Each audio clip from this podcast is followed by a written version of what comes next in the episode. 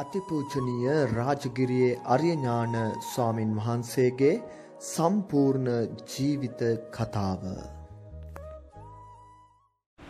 වේදනාවේ අනිත්‍යභාවය දැක්කේ. සංස්කාරයන්ගේ අනිත්‍යභාවය. එහෙනම් කවදාකවත් යා රූපයට වේදනාවට සංස්කාරයන්ට බැඳෙන්නේ. එහෙනම් යා ලෝකෙට අඬබෙර ගන්න කෙනෙක් වෙන්නේ. එතනින් තමයි අපි දකින්නේ.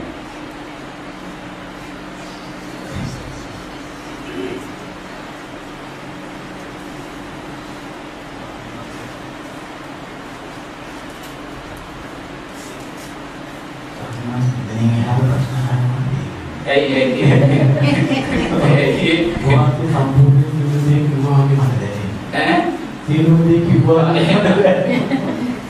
I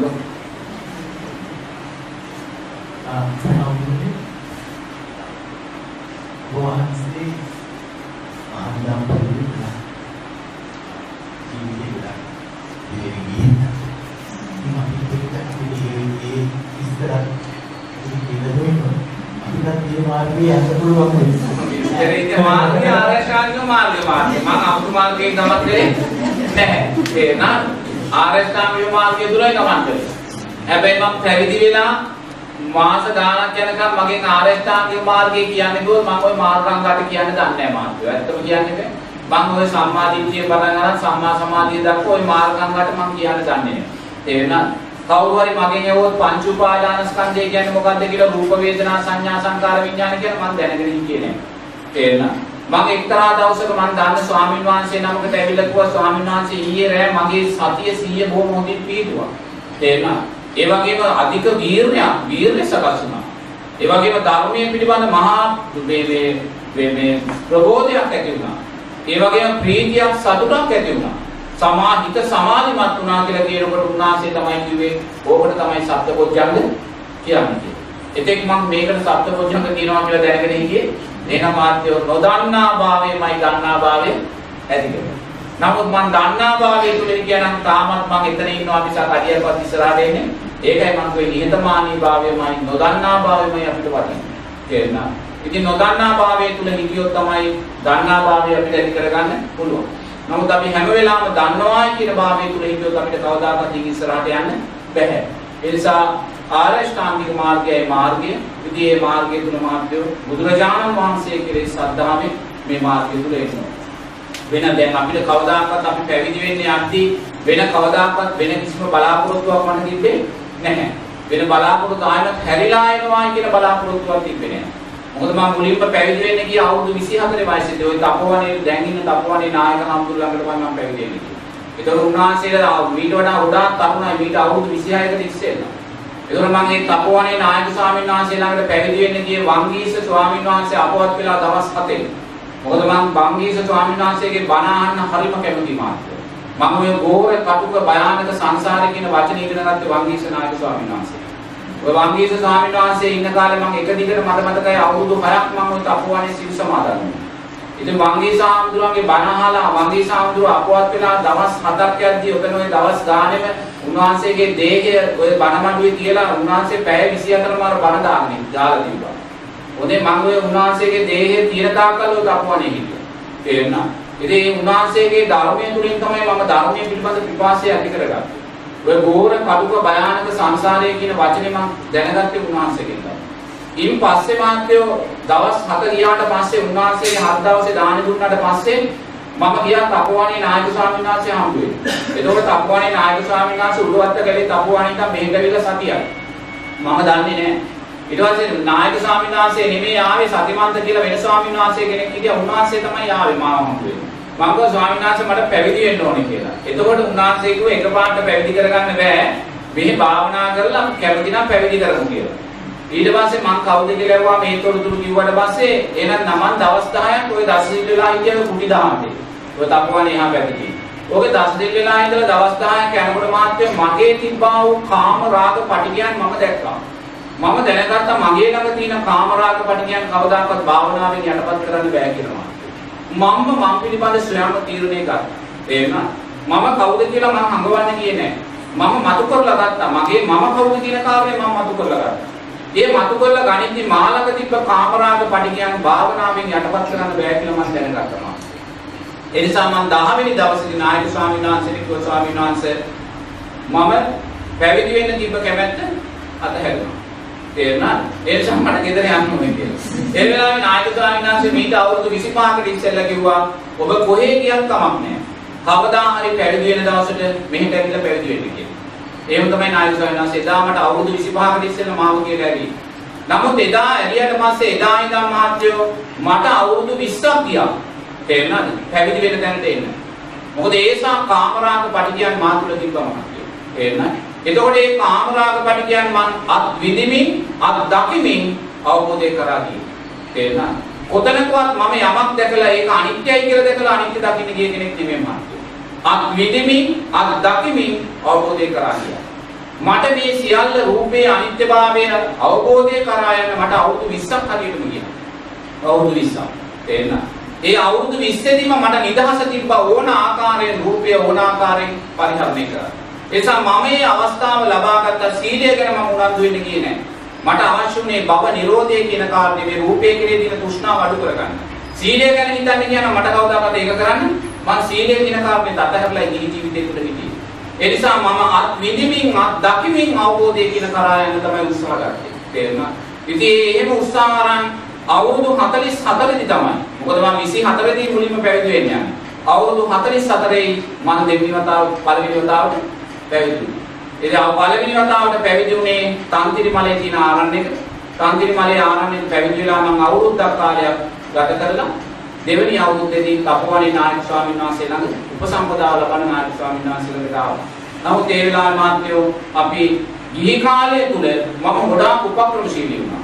තේරෙනවද? මොකද උපක්‍රමශීලී උනේ මම මාව හැම වෙලාවෙම හෙලි කරගත්තා. මම හෙලි කරගත්තා. කොයි වෙලාවකවත් මම ලෝකයාට හඟවන්න ගියේ නැහැ. මම කවුද කියලා ඔය අඹගහන්දිය ඕන කෙනෙක් දන්නවා මම විවෘත චරිතයක් ගත කරපු කෙනෙක්. මම කාමයේ පැත්තෙන් රාගයේ පැත්තෙන් ද්වේෂයේ පැත්තෙන් මගේ චරිතය ඕන කෙනෙක් ගන්න. තේරුණාද? කොතනකවත් මම මාව හඟවන්න ගියේ නැහැ. මම කවුද කියලා එළියට මතු කරමින් මතු කරමින් ඒවාට අවශ්‍ය බෙහෙත් දෙපීම මම ඉස්සරහට ගියා. නමුත් අවුරුදු 20ක් ගත වෙද්දි මම දැනගත්තා දැන් තමයි මහානකමට සුදුසු. තේරෙනවද? එදා වෙනකොට මට රූපේ ඔක්කොම අතහැරලා තිබෙනවා. මට යම් දේපලක් තිබ්බනම් ඒ සියල්ලම ලියලා ඒ සියල්ලම මුද්‍ර උඩ අස්සම් කරලා මේසෙ උඩ තියලා උදේ පහට තියෙන කොල්ලු පිටියේ බස් එකේ මම නැගලා තරමයි කම්චේ දාගෙන ගෙදරින් ගියේ.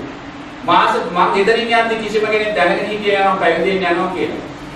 නමුත් මම ගිහිල්ලා මේ හතරගම ඉන්න ස්වාමීන් වහන්සේ නමක්ගෙන් තමයි පැවිද්ද ගත්තේ.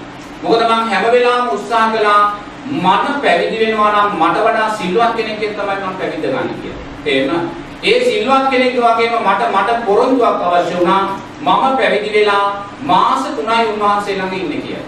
තේරුණාද? තුන් මාසෙන් මට කැලේට යන්න අවසර වුණේ කියලා මම පැවිදි කරා. නමුත් මම දන්නවා කවදාකවත් අපුවනේ නායක ස්වාමීන් වහන්සේකට අවසර දෙන්නේ නැහැ. ඒ උන්වහන්සේ කියන්නේ ඉගෙන ගන්න ඔක්කොම කරන්න කියලානේ. ඒ නිසා උන්වහන්සේගෙන් උන්වහන්සේ මට කියලා තිබ්බත් පැවිදි වෙන්න එහෙට එන්න කියලා මම එහෙට ගියේ නැහැ. නමුත් මම පැවිදි වෙන්න තැන් බලද්දී මට කතරගම ඉන්න මම එතකොට මාසෙකට සැරයක් කතරගම යනවා. මම පහුගිය අවුරුදු 7-8 වගේ කාලය තුල පැවිදි වෙන්න ඉස්සෙල්ලා මාසෙකට දවසක් කතරගම මම කිරිවේර දැඩි විදිහට උපාදානය කරගත්ත කෙනෙක්. මේ දේවාලේ කවදාකවත් මේ පූජාවට කියන්නේ කියලා නේ. කිරිවේර වන්දනා කළ දෙවියන්ට පින් දීලා මාසෙකට සැරයක් යනවා. මම මේව මාසෙකට සැරයක් යද්දි මාත්‍ය මට පෙවුණා අර කතරගම කිරිවෙහෙර දේවාලෙත් අතර තියෙන පාරේ අර තියෙන ලොකු අර මේ උයනේ තියෙන ගිමන්හලා අර ගිමන්හල් තියෙන්නේ ඒ ගිමන්හලක් ළඟ එහා පැත්තේ මහාමුදුරුව කෙනෙක් වාඩි වෙලා ඉන්නවා හැමදාම. මේ හාමුදුරුව ළඟ කොහොමත් පොයලාට 100ක් 125ක් ඇවිල්ලා සිල් ගන්නවා මම දැන් කතරගම යනලා මට උතන දැකලා මම උතෙන්ට ගියා. ඊළඟ මමත් උතන දවසක් දෙකක් කොහොමම ඉන්නකොට මට උන්වහන්සේගේ සීලය පිළිබඳ ලොකු විශ්වාසයක් ඇති වුණා. මට වෙන දෙයක් මට අවශ්‍ය වුණේ නැහැ. මම බැලුවේ උන්වහන්සේට වස් 10 පරිපූර්ණ කෙනෙක්ද? උන්වහන්සේ වස් 10 පරිපූර්ණ කරලා තිබුණා උන්වහන්සේ සීලෙන් හොඳ පරිපූර්ණ කෙනෙක් නමුත් උන්වහන්සේ බුද්ධත්වයේ ප්‍රාර්ථනා කරන කෙනෙක්. ඒ සීලය දෘෂ්ටිගත සීලයක්. නමුත් මට ඒක අදාළ වුණේ නෑ මම බැලුවේ උන්වහන්සේගේ සීලය.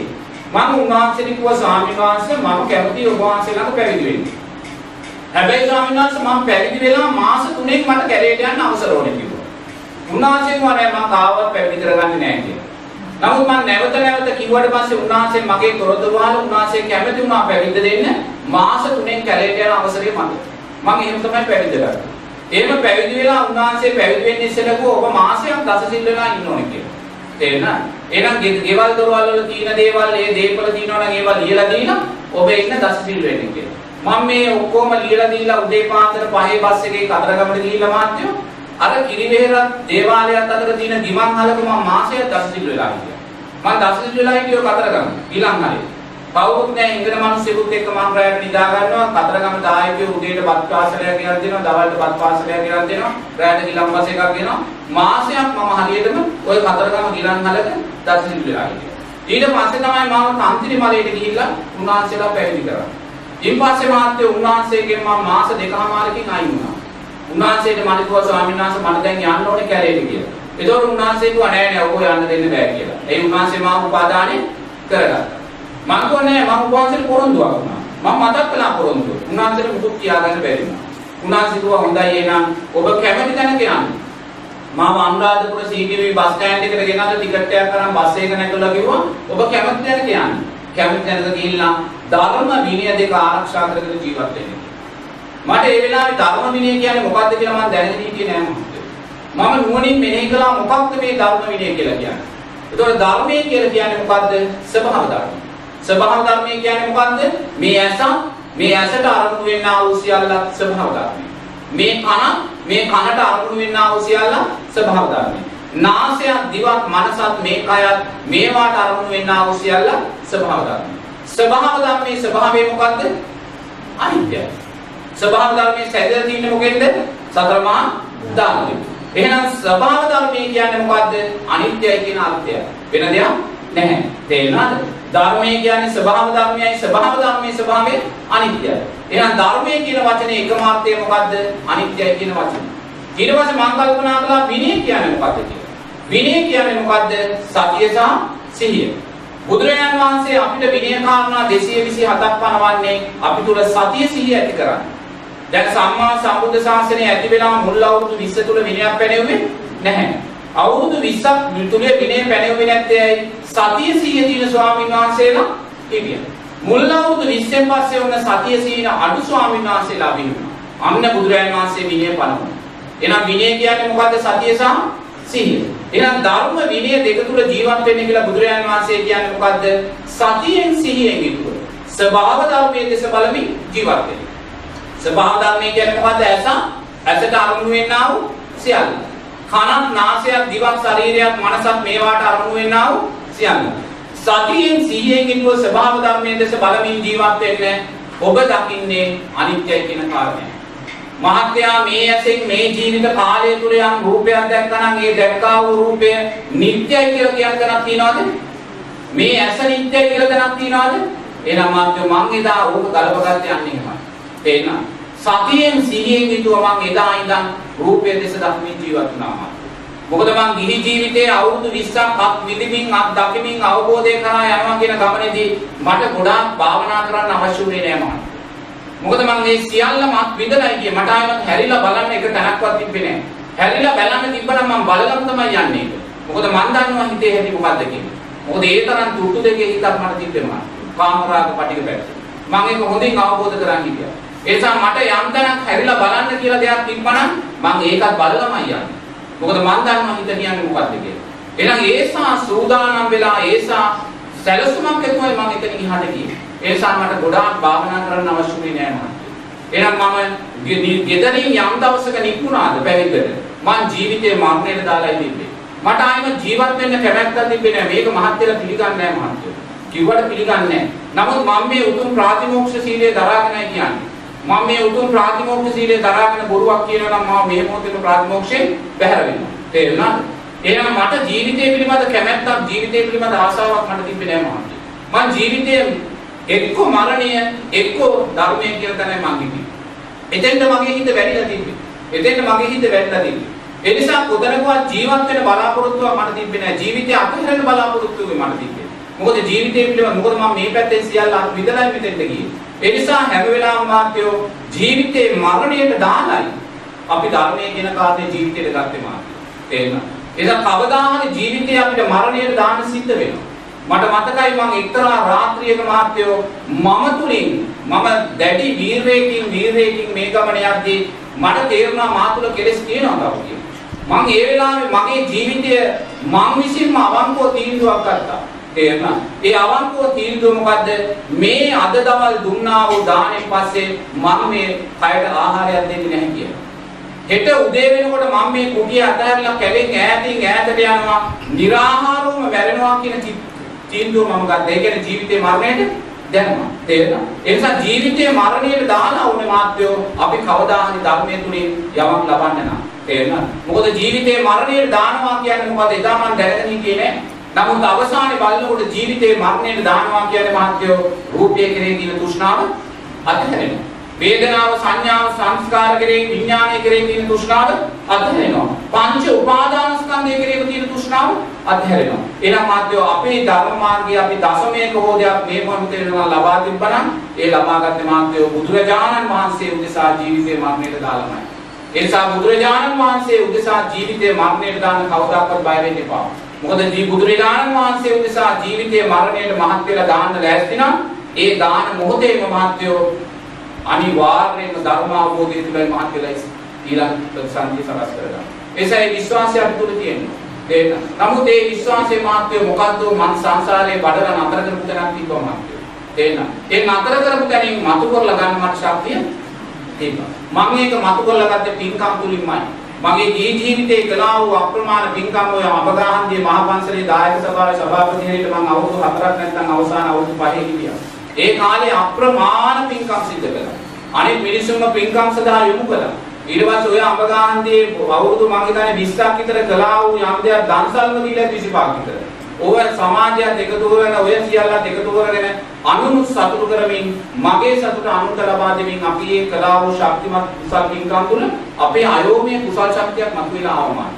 එහෙනම් ඒ අයෝමයේ කුසල් ශක්තිය මතුවලා එනකොට ඒක අපිට බලපො ගන්න නතර කරගන්න අපිට බැරි වුණා. ඒ නිසා මහත්යලාගේ ජීවිත තුළ මහත්යෝ මහත්යලා නතර කරපු ශක්තිමත් තැන් තියෙනවා. ඒ ශක්තිමත් තැනකින් මහත්යලා ජීවිතේ පටන් ගන්නවා. මේ ජීවිතේ ධම්පාසනේ පටන් අරන් අපිට මේක කරන්න බෑ. මේ ජීවිතේ පින්කම් කළා කියන දරින් පටන් අරන් අපිට මේක කරන්න බෑ. අපේ ජීවිතේ ශක්තිමත් තැනකින් අපි මේක පටන් ගන්නවා. මොකද අපේ ජීවිතේ ශක්තිමත් තැන් කියන්නේ මහත්යෝ මහත්යලා මේ බණහනවා වගේ මගෙන් මහත්යලා බුදුරජාණන් වහන්සේලා ලක්ෂ ගානකින් බණහලා තියෙනවා. තේරෙනවද? බුදුරජාණන් වහන්සේලා ලක්ෂ ගානකින් මහත්ය බණහලා තියෙනවා. බුදුරජාණන් වහන්සේලා බණ කියද්දි මහත්යා බණපද තුනක් අහගෙන ඉඳලා තියෙනවා. බණපද තුනක් අහගෙන ඉඳලා මට දැන් පරක් වෙනවා කියලා මහත්යා නැගිටලා කියලා තියෙනවා. හතරවෙනි බණපදේ ඇහුණා මහත්යා සෝවාන් ඵලයටපත් වෙනවා. ඒ වගේ ශක්තිමත් දැන් මහත්යාගේ ජීවිතයේ අතීතේ තියෙනවා. ඒ වගේම මහත්යා සංසාරයේ පැවිදි උපසම්පදාව ලැබලා අවුරුදු දසදහස් ගණන් ඉඳලා තියෙනවා සාසනෙ. පැවිදි උපසම්පදාව ලැබලා. තේරෙනවද? අවුරුදු දසදහස් ගණන් මහත්යලා අපි ඔක්කොම ඉඳලා තියෙනවා. එනම් මාත්‍රෝ එවැනි ශක්තිමත් තැනකින් අපි මේක මතු කරලා ගන්නවා. එවැනි ශක්තිමත් තැනකින් මතු කරලා ගත්තොත් මාත්‍රෝ අපිට ගමන අමාරු වෙන්නේ. නමුත් අපි මේ ජීවිතේ මතු කරලා ගත්තොත් කවදාකවත් මේක මතු වෙන්නේ. එහෙනම් අර වගේ ශක්තිමත් තැනකින් මතු කරලා දැන් අපිට පාර පෙන්නන්නේ කවුද? සද්ධාව විසින්ම. සද්ධාව විසින්ම. සද්ධාව තමයි අපිට කියන්නේ මෙවැනි දෙයක් පසු කරගෙනයි අපි ඇවිල්ලා තියෙන්නේ කියලා. ඒ නිසා මගේ ජීවිතේ මාත්‍ය ඕවා මතු කරගන්න මට හොඳ දක්ෂභාවයක් තිබ්බා. තේරෙනවද? මම පැවිදි වෙන වෙලාවේ මාව පැවිදි කරන්න නායක ස්වාමීන් වහන්සේලා දෙන්න උදේ පාන්දර 4ට 4 මාට මාව පැවිදි කළේ. උණු වතුරෙන් හිස සෝදලා කහදියරෙන් හිත සෝදලා දැලිමියෙන් හිස බාලා මං 4 මාට පැවිදි කළේ. පැවිදි කරන වෙලාවේ මං ඇස් දෙක පියාගෙන මාව පැවිදි කළේ සාරිපුත්ත මහරහතන් වහන්සේ මහා කාශ්‍යප මහරහතන් වහන්සේ කියලායි මං දැක්කේ. මං උන්වහන්සේලා දෙනම තුලින් උන්වහන්සේලා දැක්කේ නෑ. මට ඒ ශක්තිය තිබ්බා මාත්‍ය. තේරෙනවද? මට ඒ ශක්තිය තිබ්බා. මම පැවිද්ද ගත්තෙත් ඇස් දෙක පියාගෙන සාරිපුත්ත මහරහතන් වහන්සේගෙන් කාශ්‍යප මහරහතන් වහන්සේගෙන්. ඊට පස්සේ අපි කැලේට ගිහිල්ලා ජීවත් වෙනකොට අපි නිතරම ඔය කාශ්‍යප මහරහතන් වහන්සේලා සාරිපුත්ත මහරහතන් වහන්සේලා මනසින් අපේ ළඟට වඩම්ම ගත්තා. අපි පින්ඩපාත යනකොට අපි දැක්කා මගේ ඉස්සරහින් බුදුරජාණන් වහන්සේ වඩම්මනවා අපි මනසින් වඩම්මලා තියෙනවා. මහාකාශ මහරහතන් වහන්සේලා අපි මනසින් වඩම්මලා. උන්වහන්සේලා පිරිනිවන් පෑව බව ඇත්ත ආත්මීය සංඥාවකින් නෙමෙයි. නමුත් මෙතනදී අපි උපක්‍රමශීලී වුණා මාත්‍ර. මොකද මේ පරමාදර්ශී චරිත අපේ පරමාදර්ශයේ බවට ගත්ත නිසායි අපිට ධර්මයක දශමයක් හෝ ඉස්සරහට යන අපිට ශක්තිය තිබ්බේ කඩාගෙන ඉඳන්නේ. තේරෙනවද? ඒ නිසා මේ උපක්‍රමශීලී භාවය මට ලබලා දුන්නේ මාත්‍යෝ සංසාරේ මම නතර කරපු ශක්තිමත් තැනකින් මම පටන් ගන්න දක්ෂ වුණා. ඒ නිසා ඔබලාගේ ජීවිතවල ශක්තිමත් තැන් තියෙනවා. ඒ නිසා මේ ජීවිතෙන් මේක පටන් ගන්න යන්න එපා. මේ ජීවිතෙන් පටන් ගත්තොත් ඔබ අලුතෙන් පටන් ගත්තා වෙනවා. ඒ නිසා ඔබලා අතීතේ නතර කළා වූ ශක්තිමත් තැනකින් ජීවිතේ පටන් ගන්න. අතීතේ මනසින් ඇස් දෙක පියාගෙන බුදුරජාණන් වහන්සේලා ලක්ෂ ගානකින් බණ ඇහුවා මනසින් දකින්න. බුදුරජාණන් වහන්සේලා බණපද තුනක් කියද්දී අනේ හතරවෙනි බණපදේ අහන්න නැතුව නැගිටලා ආවා මනසින් දකින්න. සම්මා සම්බුද්ධ ශාසන වල ඉපදිලා අවුරුදු දසදහස් ගණන් පැවිදි උපසම්පදාව ලැබලා හිටියා මනසින් දකින්න. අන්නේ ශක්තිමත් තැනකින් ජීවිතේ මතු කරලා ගන්න. එතන තමයි අපිට ශක්තිය සකස් කරලා දෙන්නේ. තා මොනවාරි මෙතන ඉන්නේ ඇයට අහන්න තියෙනවද මාත්‍යෝ? මොනවද අහන්න තියෙනවද? ඈ?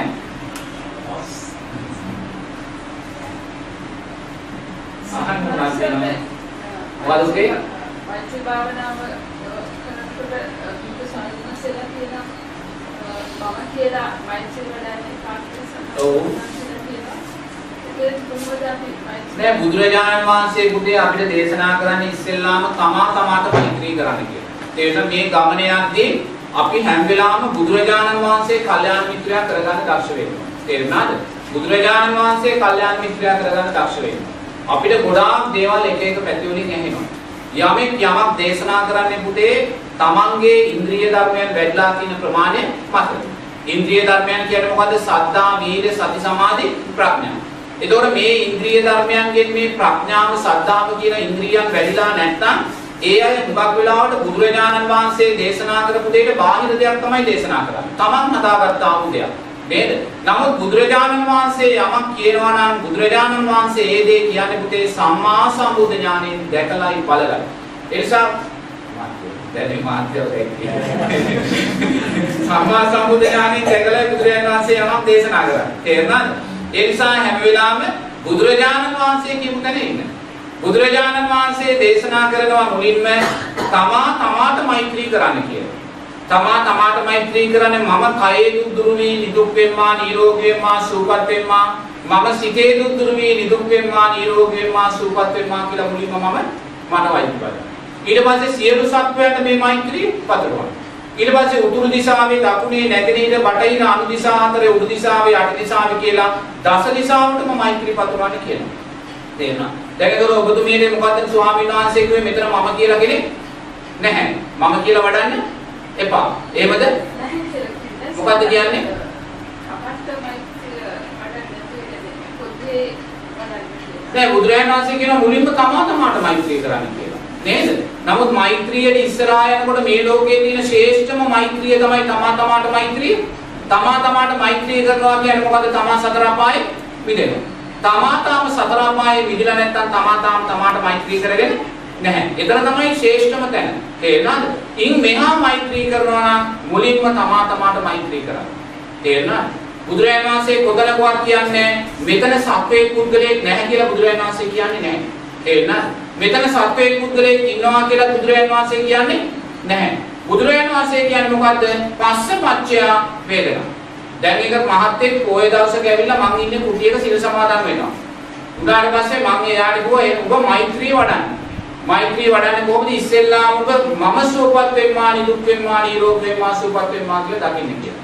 දැන් මෙයා මේක ගිහිල්ලා දැන් වඩලා මෛත්‍රිය වඩලා හවස මගේ ළඟට ඇවිල්ලා කියනවා හාමුදුරනේ මම මම සුවපත් වෙම්මා, නිදුක් වෙම්මා, නිරෝගී වෙම්මා කියලා මෛත්‍රිය වැඩුවා. නමුත් ස්වාමීන් වහන්සේ මෙතන මම කියලා කෙනෙක් නැහැ නේ. තේරෙනවද? මම මගේ ඇඟිල්ල දිහා නුවණින් මෙනෙහි කරලා බැලුවා මේ ඇඟිල්ලේ මම කියලා දෙයක් කෙනෙක් ඉන්නවාද කියලා. නෑ මම ඇඟිල්ලේ මම කියලා කෙනෙක් නෑ කියලා එයා දැක්කා කිව්වා.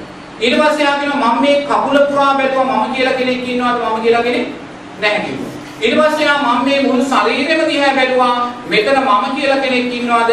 මෙයා කියනවා මම කියලා කෙනෙක් නැහැ කියලා. එතකොට එයා මගෙන් ඇවිල්ලා අහනවා මම කියලා කෙනෙක් නැත්තම් ඔබ වහන්සේ මේ මම සුවපත් වෙන්නවා කියලා කියන්නේ කියන්නේ ඇයි කියලා. මම පුතේ මම කියන දෙයක් නෙමෙයි. බුදුරජාණන් වහන්සේ කියන්නේ. බුදුරජාණන් වහන්සේ කියපු දේ අපි ඔබලාට කියන්නේ. එහෙනම් ඔබ කියනවා නම් මෙතන මම කියලා කෙනෙක් නැහැ කියලා. මං කිව්වා අර ගිනි පෙට්ටියේ දෙන්නේ කියලා. ගිනි පෙට්ටියක් තිබ්බ එහා පැත්තේ. මං ගිනි පෙට්ටිය ගෙනල්ලා ගිනි කූරක් ගැහුවා. ගහලා මං කිව්වා ඔබ ඇඟිල්ල දික් කරන්න කියලා. දික් කළා මං ගිනි පෙට්ටියේ ගිනි කූර තිබ්බා. එකපාරට අත මං කිව්වා පුතේ සත්වෙක් නැත්තම් ඔබ ඇයි අත ගත්තේ? ඈ ඔබ අත ගත්තනේ? නෑ මෙතන තියෙනවා යම. මොකද්ද? පස්ස පච්චයා වේදනා. පස්ස පච්චයා. දැන් මල කඳක් පිච්චුවාම මල කඳ ඇවිල්ලා ගන්නවද? නැහැ. එතන විඥානේ නැහැ. නමුත් මෙතන යමක් තියෙනවා. මොකද්ද? පස්ස පච්චය වේදනා. පස්සේ නිසා සකස් වෙනා වූ විදීමක් මෙතන තියෙනවා.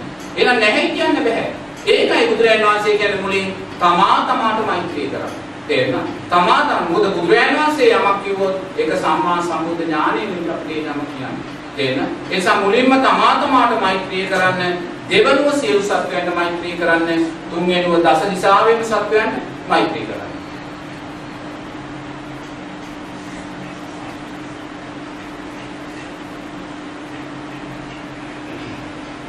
තම මොනවා යහන්න තියනවද? දැන් අපිට මොකක් හරි විද්‍යාව සංවේදී වුණාම ඔව්. මේ සංවේදී වීම තුළ මේ අපි පෙර භවයේ ඒ වගේ දෙයක මුල බව නෑ මන්ද සංසාර පුරුදු නිසා අපිට යම් යම් පුරුදු ඇති වෙන්න පුළුවන්. තේරුණාද? දැන් සංසාර පුරුදු වෙන දැන් බුදුරජාණන් වහන්සේ කාලේ රහතන් වහන්සේලා හිටිය සංසාර පුරුදු තියෙනවා. දැන් පිළින්ද වච්ච කියලා රහතන් වහන්සේ නමක් හිටියා. ඒ රහතන් වහන්සේ වසල වාදයෙන්මයි කතා කරන්නේ. ඕනම දායක මහත්තයෙකුට උඹ බම් බොලන් කියලා කතා කරන්නේ. දැන් මේක හරි ප්‍රශ්නයක්. දැන් මිනිස්සු ගිහිල්ලා බුදු ස්වාමීන් වහන්සේලා ගිහිල්ලා බුදුරජාණන් වහන්සේට කියනවා පිළින්ද වච්ච ස්වාමීන් වහන්සේ වසල වාදයෙන් අපිට කතා කරමු. ඒ වෙලාවේ උන්වහන්සේ බලනවා කවුද මේ ස්වාමීන් වහන්සේ කියලා. බලනකොට උන්වහන්සේ රහතන් වහන්සේ කෙනෙක්. නමුත් රහතන් වහන්සේ කෙනෙක් වෙලත් ඇයි උන්වහන්සේ උඹ බම් බොලන් කියලා කතා කරන්නේ? එයා ආත්ම භාව 500ක බමුණු කුලයක ඉඳලා. ඒ මාන්නක්කාර භාවය නිසා මේ වචනය අද පාවිච්චි කරනවා. තව ස්වාමීන් වහන්සේ කෙනෙක් හිටියේ එයා දානෙට ගියාම පාත්‍ර පහක් වළඳනවා. දැන් අනිත් ස්වාමීන් වහන්සේලා වැජ්ජයි. අනිත් ස්වාමීන් වහන්සේලා බුදුරජාණන් වහන්සේ කිව්වා මේ හාමුදුරුවොත් එක්ක අපිට යන්න බෑ කියලා. බුදුරජාණන් වහන්සේ බලනවා කවුද මේ හාමුදුරුවෝ කියලා. බලනකොට රහතන් වහන්සේ කෙනෙක්. ඇයි පෙර ජීවිතේ ඇත්කුලේ 500 වතාවක් ඉපදිනා. ඇත්කුලේ 500 වතාවක් ඉපදිනා. තව ස්වාමීන් වහන්සේ කෙනෙක් හිටියා මෙහෙම වඩිනකොට සිය ගාන ස්වාමීන් වහන්සේලා වතුර වලක් තිබ්බා. හැම ස්වාමීන් වහන්සේ කෙනෙක්ම මේ වතුර වලින් බැහැලා තමයි වැඩි. මේ ස්වාමීන් වහන්සේ මේ පැත්තෙන් ඉඳන් මේ පැත්තට පැන්නා. මේක දැන් බුදුරජාණන් වහන්සේට කිව්වා බලනකොට මෙයා ආත්ම භාව 500ක වඳුරු කුලේ ඉපස් කියලා. ඒ වගේම අන්ත සංසාරයේ අපි කළා වූ හුරුපුරුදු අපිට ලැබෙනවා. ගිය ජීවිතේ අපි ද්වේෂය වඩපු කෙනෙක් නම් මේ ජීවිතේ අපිට ලැබෙනවා. දැන් සමහර වෙලාවට දැන් ගිය ජීවිතේ දැන් ওই පන්සල් ආශ්‍රිතව දේවාල ආශ්‍රිතව හැදෙන අලි ඉන්නවනේ. අලියැත්තු මේ අලියැත්තු මාත්‍ය උදේටත් ගිහිල්ලා බුද්ධ වන්දනාව කරනවා, මල් පූජා කරනවා, ධාතු කරඬුවාද බඩම්බනවා. දාස් ගණන් මිනිස්සු සාදුකාර දෙනවා පෙරහැර යනකොට අර ඇද්ගොව්ව තමයි ආව බලාගන්නේ අම්මා තාත්තා වගේ මෙහෙමයි මැරුණාම මාත්‍ය සමගක් වෙලාවට මිනිස්සු වෙලා උපදින තියෙන අවස්ථා වැඩි. තේරෙනවද? දැන් එක මහත්මයෙක් ඉන්නවා ඒ මහත්මයා පෙර ජීවිතේ මහත්යෝ මේ ඇත්කුලේ ඉපදිච්ච කෙනෙක්. තේරෙනවද? දේවාලාස්තිතෝ හිටපු ඇත්කිලේ ඉපදිලා ආයා මිනිස්සෙක් වෙලා තියෙනවා. නමුත් මේ මහත්යා හරීම කීකරු. ඕනම කෙනෙකුට හිසනවල ඕනම කීකරු. නමුත් කේන්ති ගියාම මහත්යෝ මේ මහත්ය ළඟට යන්නවත් බෑ. ඇයි? අර ගිය ජීවිතේ මේ මේ වගේ සංසාර පුරුදු තියෙනවා. දැන් එක මහත්යෙක් ඉන්නවා උනා ඒ මහත්මයා ගිය ජීවිතේ මහත්යෝ හරක් කුලේ ඉපදිලා ඉන්නේ. තේරෙනවද? ඒ හරකමේ පාරේ ওই විදිය ඇරලා අරන් හරින හරක් නෙමෙයි. දැන් ඉස්සර කාලේ අපි දැක්ක ඔය කරත්ත බදින මහත්තුරු හරක් හදන්නේ දරුවෙක් වගේ. තේරෙනවද? සමහරු ඉන්නවා කරත්තේ බැඳලා ගෙදර ගෙනාවට පස්සේ මේ දඩිස් තවනවා ඒගොල්ලෝ. තේරෙනවද? තමන්ගේ බත් පිඟානේ බත් කටක් කන්න දෙනවා. නෑවුවට පස්සේ තුවායකින් පිහදාන. දරුවෙක් වගේ තමයි එහෙම දැන් එහෙම කවුරුත් කරන්නේ නැහැ. නමුත් මෙන්න මේ වගේ හදපු හරකෙක් පිරිමිසතේ එයා මැරිලා ගිහිල්ලා මනුස්සාත්මයක තමයි උපදිලා තියෙන්නේ. නමුත් මේ මහත්තයා කරන තරමක් කරන්නේ මහත්වයේ මෝඩ වැඩ. තේරෙනවද? හිතාගන්න බැරි මෝඩ වැඩ කරන්නේ. තේරෙනවද? ඒක කළාට පස්සේ එයා එයාටත් පුදුමයි ඇයි මම මේක කළේ කියලා. ඇයි? එයා ඒ වගේ මහත්වයේ සංසාර පුරුදු අපිට තියෙනවා. තේරෙනවද?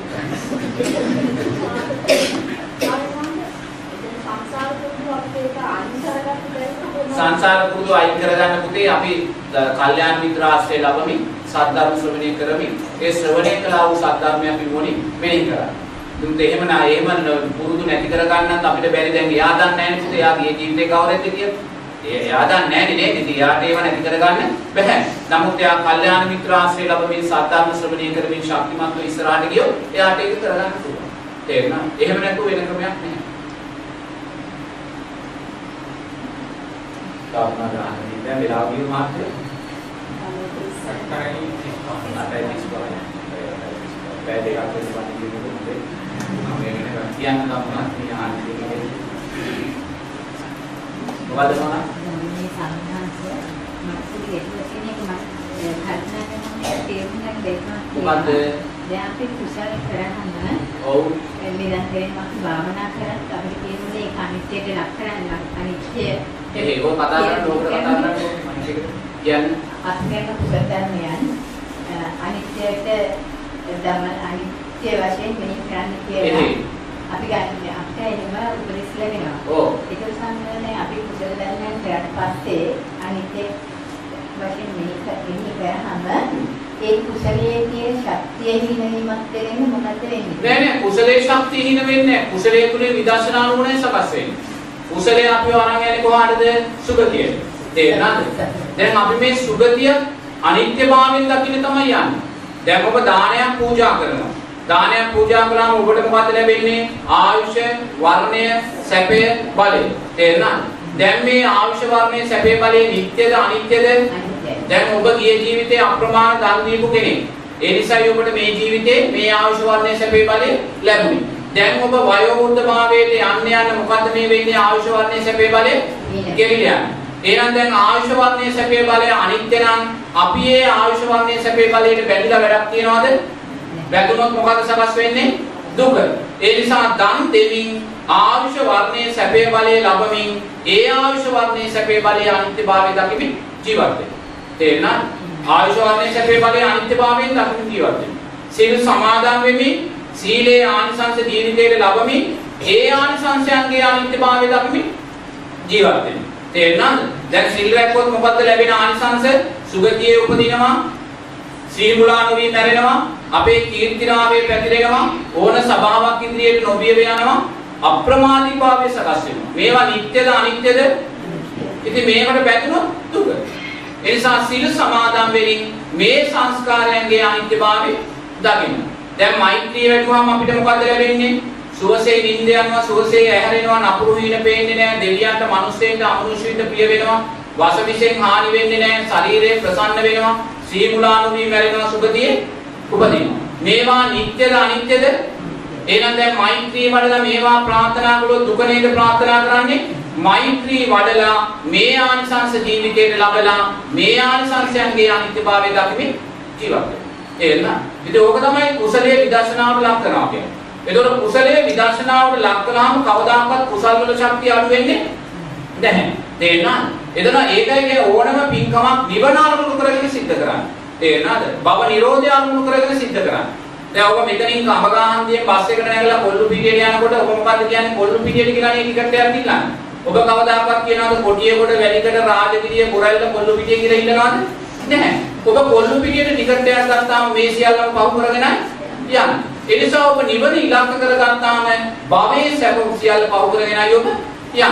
තේරුණාද? ඒ නිසා නිවන අරමුණු කළා කියලා කවදාකවත් කුසලයෙන් ලැබෙනා වූ ආනිසංස ඊන වෙන්නේ නැහැ. කුසලයේ ආනිසංස ඔබ පිටිපස්සෙන් එනවා. තේරුණාද? නමුත් ඔබ කුසලයේ ආනිසංස කෙරේ කැමැත්ත තියෙන තාක්කල් නිවන ඔබෙන් ඈතට යනවා. තේරුණාද? ඒ නිසා මේ දෙකම වඩන්න බෑ. එක්ක කුසලය එක්ක නිවන. තේරුණාද? කුසලයයි නිවනයි දෙකම වැඩෙන්නේ නැහැ. ඔබ කුසලය අනිත්‍යයි කියලා දැක්ක තැනයි නිවනට අදාළ ධර්මතාවයන් ඔබ තුල වැඩෙන්නේ. තේරුණාද? ඒ නිසා කොයිම වෙලාවකවත් කුසලය ගැන හිතන්න යන්න එපා. කුසල් සංස්කාරයන්ගේ අනිත්‍යභාවය දකින්න දකින්න මොහොතක් පාසා ප්‍රඥාවයි වැඩි වෙන්නේ. ප්‍රඥාවයි වැඩි වෙන්නේ.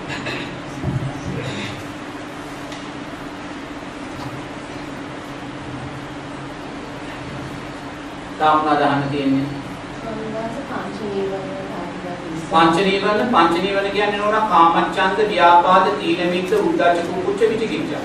එහෙනම් කාමච්ඡන්දයන් කියන්නේ මොකද්ද මේ කාමසිතුවිලි? ඇස නිසා, කන නිසා, නාසය නිසා, දිව නිසා, ශරීරය නිසා, මනස නිසා සකස් වෙන්නා වූ ආස්වාදය. තේරෙනවද? ඒක තමයි මේ මේ කාමච්ඡන්ද කියලා කියන්නේ. ඒතකොට ව්‍යාපාදය කියන්නේ ද්වේෂය, තරහ. තේරෙනවද? කාමච්ඡන්ද ව්‍යාපාද තීන මිද්ද. තීන මිද්ද කියන්නේ නිදිමත අලස ගැටීම. තේන බත්මතේ තේන භාවනාවක් කරන්න ගියා සිල් සමාදන් වෙන්න ගියා ඒකට කියන අලස ගතිය වීර්ය මද භාවය කාමච්ඡන්ද ව්‍යාපාද තීන මිද්ද උද්දච්ච කුක්කුච්ච ඒ කියන්නේ විසුරුණා වූ හිත එක ස්වභාවයක හිත තියෙන්නේ නැහැ නම් හිත නිරතුරුවම විසිරෙනවා තේරුණාද කාමච්ඡන්ද ව්‍යාපාද තීන මිද්ද උද්දච්ච කුක්කුච්ච විචිකිච්ඡාව කියන්නේ තෙරුවන් කෙරේ ඇති කර ගන්නා වූ සැකේ මාර්ගය කෙරේ ඇති කර ගන්නා වූ සැකේ ඉතින් මේ පහ නිරතුරුව මාර්ග ධර්මයන් ගණේටයි වැටෙන්නේ මොකද මේ පහ නිරතුරුවම අපිව ධර්ම මාර්ගයෙන් විදර්ශනා මාර්ගයෙන් අපිව ඈතට කරනවා. ඒ නිසා නිරේතුරුවම මේවයින් බැහැර වෙන්න ඕනේ. සමාධිය කියලා කියන්නේ පංච නීවරණ බැහැර වුණායි කියන කාරණය. ඔබ හිත සමාධිමත් භාවයට පත් වුණා කියන්නේ මොකද්ද පංච නීවරණ යටපත් වෙනවා. දැන් ධානාතල කියන්නේ මොකද්ද පංච නීවරණ යටපත් වෙනවා. නැති වුණා නෙමෙයි ඈ පංච නීවරණ යටපත් වෙනවා. ඉතින් අපි පංච නීවරණ යටපත් වෙන නම් හැම වෙලාවෙම ධානාගත හිතක් සමාධිමත් හිතක් සකස් කරගන්න ඕනේ. හිත බාහිර අරමුණු වලට යන්න දෙන්නේ නැතුව කාමච්ඡන්දයට හිත දුවන්න දෙන්නේ නැතුව මොකක්කෝ එක අරමුණකට හිත පිහිට ගන්න.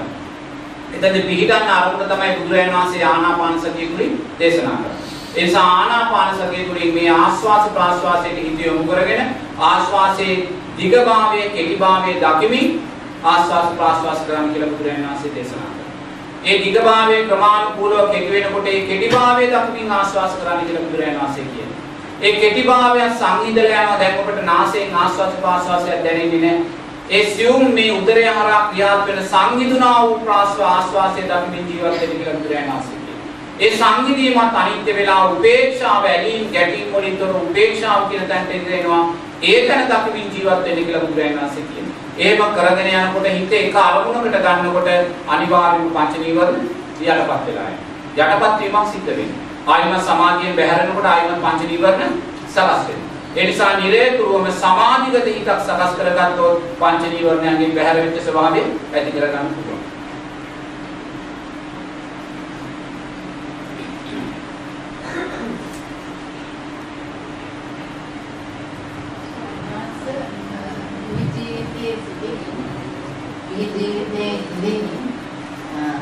උපාදානස්කන්ධයන්ගේ අනිත්‍යභාවය මෙහි කරමින් සිටීමේ කෙසේද මෙහෙමයි නෝනා පංච උපාදානස්කන්ධයේ අනිත්‍යභාවය කියන රූපයකේ සකස් කරගන්නා වූ තෘෂ්ණාවනේ නේද?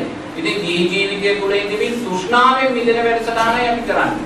දැන් විසාකාවට දරුණු පුරන් 100 ගාණක් කියන්නේ අනේ පිළිසිතුමා කෝටිපති ව්‍යාපාරිකයෙක්. විසාකාව අවල් බල තරුණ කාලේ අර මේල පළඳනාව පළඳගෙන තමයි හිටියේ ලක්ෂ ගාණක් වගේ. තේරෙනවද? ඒකෝට එහෙමනම් අපි කරන්න ඕනේ හැම දෙයක්ම තෘෂ්ණාවෙන් තොරව ඇසුරු කරනවා. දැන් දරුවා තුළ තෘෂ්ණාව නැහැ. සාම්පුරුෂයා තුළ තෘෂ්ණාව නැහැ. gedara තුළ තෘෂ්ණාව, කාරක තුළ තෘෂ්ණාව නැහැ. තෘෂ්ණාව තියෙන්නේ කොහෙද? තමා තුළ. දරුවා දරුවාගේ ස්වභාවයෙන් ඉන්නවා. ගේ gedara ස්වභාවයෙන් තියෙනවා, කාරක කාරක ස්වභාවයෙන් තියෙනවා. ඒවා කෙරෙහි තමයි තෘෂ්ණාව ඇති කරගන්නේ. ඒ නිසා අපි මේ සියල්ල ඇසුරු කරනවා. ඒවා සියලු දෙයක්ම පරිභෝජනය කරනවා. කරමින් ඒවා කෙරෙහි තියෙන තෘෂ්ණාවයි අපි අඩු කරගන්නේ. තේරෙනවද? මොකද සෝවාන් සෝවාන් ඵලයටපත් වුණ කෙනාගේ ස්වභාවය තමයි අතහැරීමේ ස්වභාවය තමයි දැන් විසාකාව දවසක් මේ මේ මේ පූර්වාරාමයට යනවා. පූර්වාරාමයේ යාගේ මහා මේල පළඳනා විපුල තමයි පූර්වාරාමය හැදුවේ. නමුත් ඊට පස්සේ යාගේ මාමා තව පළඳනාවක් එයාට අරන් දෙනවා. වටිනාකමෙන් අඩු වෙනවා. මෙයා මේ පළඳනාව පළඳගෙන බුදුරජාණන් වහන්සේ පැහැ දකින්න යනවා. දැකලා දැන් බුදුරජාණන් වහන්සේට වන්දනා කරන්න ඕන නිසා මේ පළඳනාව ගලවලා මේසයක් මත තියෙනවා. කියලා වන්දනා කරලා බණ අහලා දැන් ධර්ම ප්‍රීතියෙන් එනකොට මෙයාට මේ පළඳනාව අරන් ඉන්න අමතක වෙනවා. අමතක වුණා. සේවිකාවගෙන් අහනවා ගෙදර ආවට පස්සේ ඔබ පළඳනාව ගෙනාවද කියලා. සේවිකාවක් කියනවා ගෙනාවේ නැහැ කියලා. ඒ වෙලාවේ විසාකාව සේවිකාවට කියන ඔබ පූර්වාරාමයට යන්න. ගිහිල්ලා අර පළඳනාවට ආනන්ද ස්වාමීන් වහන්සේ අත තියලා තිබ්බොත්. ඒ කියන්නේ ආනන්ද ස්වාමීන් වහන්සේ නැවත විසාකාව ආපුවාම දෙන්න කියලා මේක අරන් තියලා තිබ්බොත් මේක ශාසනයට පූජා කරා කියලා එන්නේ. ස්වාමීන් වහන්සේලා අත තිබ්බනම් ඒක අපිට ඕනේ නැහැ. ඒක ශාසනයට පූජා කරා කියලා එන්නේ. ඒ මේසෙ මතම තිබ්බොත් ඒක අරගෙන එන්න. තේරෙනවද? දැන් ඕක තමයි අතහැරෙන්නේ. එයා ඵල දිනවා. එයා ඇසුරු කරනවා. නමුත් ඕනම වෙලාවක ඒක අතහරින්න දක්ෂයි. එයා වැටුණා, බිඳුණා, කැඩුණා කියලා කවදාකවත් ඒ වෙනුවෙන් ගැටෙන්නේ නැහැ. නමුත් ඒ නිසා සෝවාන් ඵලයටපත් වුණා කියලා කවදාකවත් අපිට ලස්සනට ඇඳලා මාළවලු දාලා මකුළු ගේකට යන බැරි කමක් වෙන්නේ නැහැ. තේරුණා? මොකද තෘෂ්ණාව තියෙන්නේ මාළේවත්, වලලේවත්, සාරියවත් නෙමෙයි. ඒ වාක්‍යයෙන් සකස් කර ගන්නා වූ ඉලදුර. ඒ නිසා නිරතුරුවම රූපේ රූපේ ස්වභාවයෙන් තියෙන්නේ. තෘෂ්ණාව තමා තුළයි තියෙන්නේ. තේරුණා? ඒ නිසා තමා තුළ තියෙන තෘෂ්ණාවයි අඩු කරගන්න. නේද? දැන් තමා තුළ තියෙන තෘෂ්ණාවයි අඩු කරගන්න. මොකද මැරෙන වෙලාවේ මේ රූපය කෙරේ තියෙන උපාදානය අපෙන් බැහැර වෙලා තියෙනවා. ඒ නිසා එතන අපි රූපය කෙරේ තියෙන තෘෂ්ණාව සකස් කරගත්තොත් තමයි මැරෙන වෙලාවේ අපි රූපයට බැඳිලා යන්නේ. තේරෙනවද? ඒ නිසා දරුවා දරුවා ස්වභාවයෙන් ඉන්නේ බිරිඳ බිරිඳගේ ස්වභාවයෙන් ස්වාම්පුරුෂයා ස්වාම්පුරුෂයා කාර්යක කාර්යගේ ස්වභාවයෙන් ගේ ගෙදර ස්වභාවයෙන් දියයි මේවා කෙරේ තියෙන තෘෂ්ණාවෙන් මිදෙන්න. මිදිලා ඒවා පෝෂණය කරමින් රැක බලාගෙන ජීවත් වෙන්න මොනවා කළත් තෘෂ්ණාව බැඳෙන්නේ දැන් අනේ පිළිසිතුමා සෝවාන් ඵලයටපත් වෙච්ච කෙනෙක්. නමුත් එයාගේ අර කාල කියලා දරුවෙක් හිටියා කවදාකවත් පන්සලකට ගියේ ධර්මයට හරිම අකමැති. ඒතකොට අනේ පිළිසිතුමා මුල් දවසේ මෙයා පොයේ දවසේ සිල් සමාදන් කරන කහවණු 100ක් දෙනවා. එයා සල්ලි වලට ආසයි. මං කහවණු 100ක් දෙන්නම් ඔබ කියලා සිල් සමාදන් වෙන්න කියලා තමයි සිල් සමාදන් වෙන්නේ. දැන් මේ පාර ගියා ඊළඟ පාරේ යන්නේ නැහැ. ඊළඟ පාරේ කොහොම මං කහවණු 200ක් දෙන්නම් දැන් ඔය යන්නේ කියලා. දෙවෙනි පාර කහවණු 200ක් අරගෙන තමයි සිල් ගන්නේ. දෙවෙනි පාර බුදුරජාණන් වහන්සේ මෙයා ඉලක්ක කරගෙන ධර්මයේ කියලා මෙයාට ධර්ම අවබෝධය ලබලා දෙනවා. ඊළඟ බලන්නකෝ දැන් අනේ පිළිසුතුමා ඊළඟ සෝවාන් වුණා කියලා දරුවවත් හැදියද? එහෙම දෙයක් නැහැ. ඒගොල්ලෝ ව්‍යාපාර කරමින් රැකී ආරක්ෂා කරමින් දරුවන් පෝෂණය කරමින් ඒවා කෙරේ තියෙන තෘෂ්ණාව අඩු කරගන්න. එතන තමයි පංච උපාදාන ස්කන්ධය අනිත්‍යභාවය. ඇසුරු කරමින් පෝෂණය කරමින් ඒවා කෙරේ තියෙන තෘෂ්ණාව අඩු කරගන්න. ධර්මය අන්තිමයි.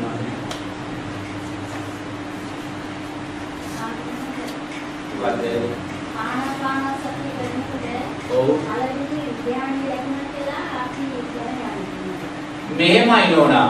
ඔතන මේ ආනාපාන සතියේ ධානයේ දකින්නවා කියන බුදුරජාණන් වහන්සේ දේශනා කරන ආනාපාන සතියේ වඩමින් යනකොට මුලින්ම විචාර විතර්කයන් සකස් වෙනවා කියලා. විචාර විතර්කය කියන්නේ අපි මේ ආස්වාසයේ දිගභාවයේ කෙටිභාවයේ දකිමින් තමයි ජීවත් වෙන්නේ. මෙනෙහි කරමින් තමයි ජීවත් වෙන්නේ. ඒ නිසා මුලින්ම ආස්වාස ප්‍රාස්වාසයේ තුලින් අපි විචාර විතර්කයන් සකස් කර ගන්නවා. ආස්වාස ප්‍රාස්වාසයේ සංහිඳුනාට පස්සේ විචාර විතර්කයන් සංහිඳිලා යනවා.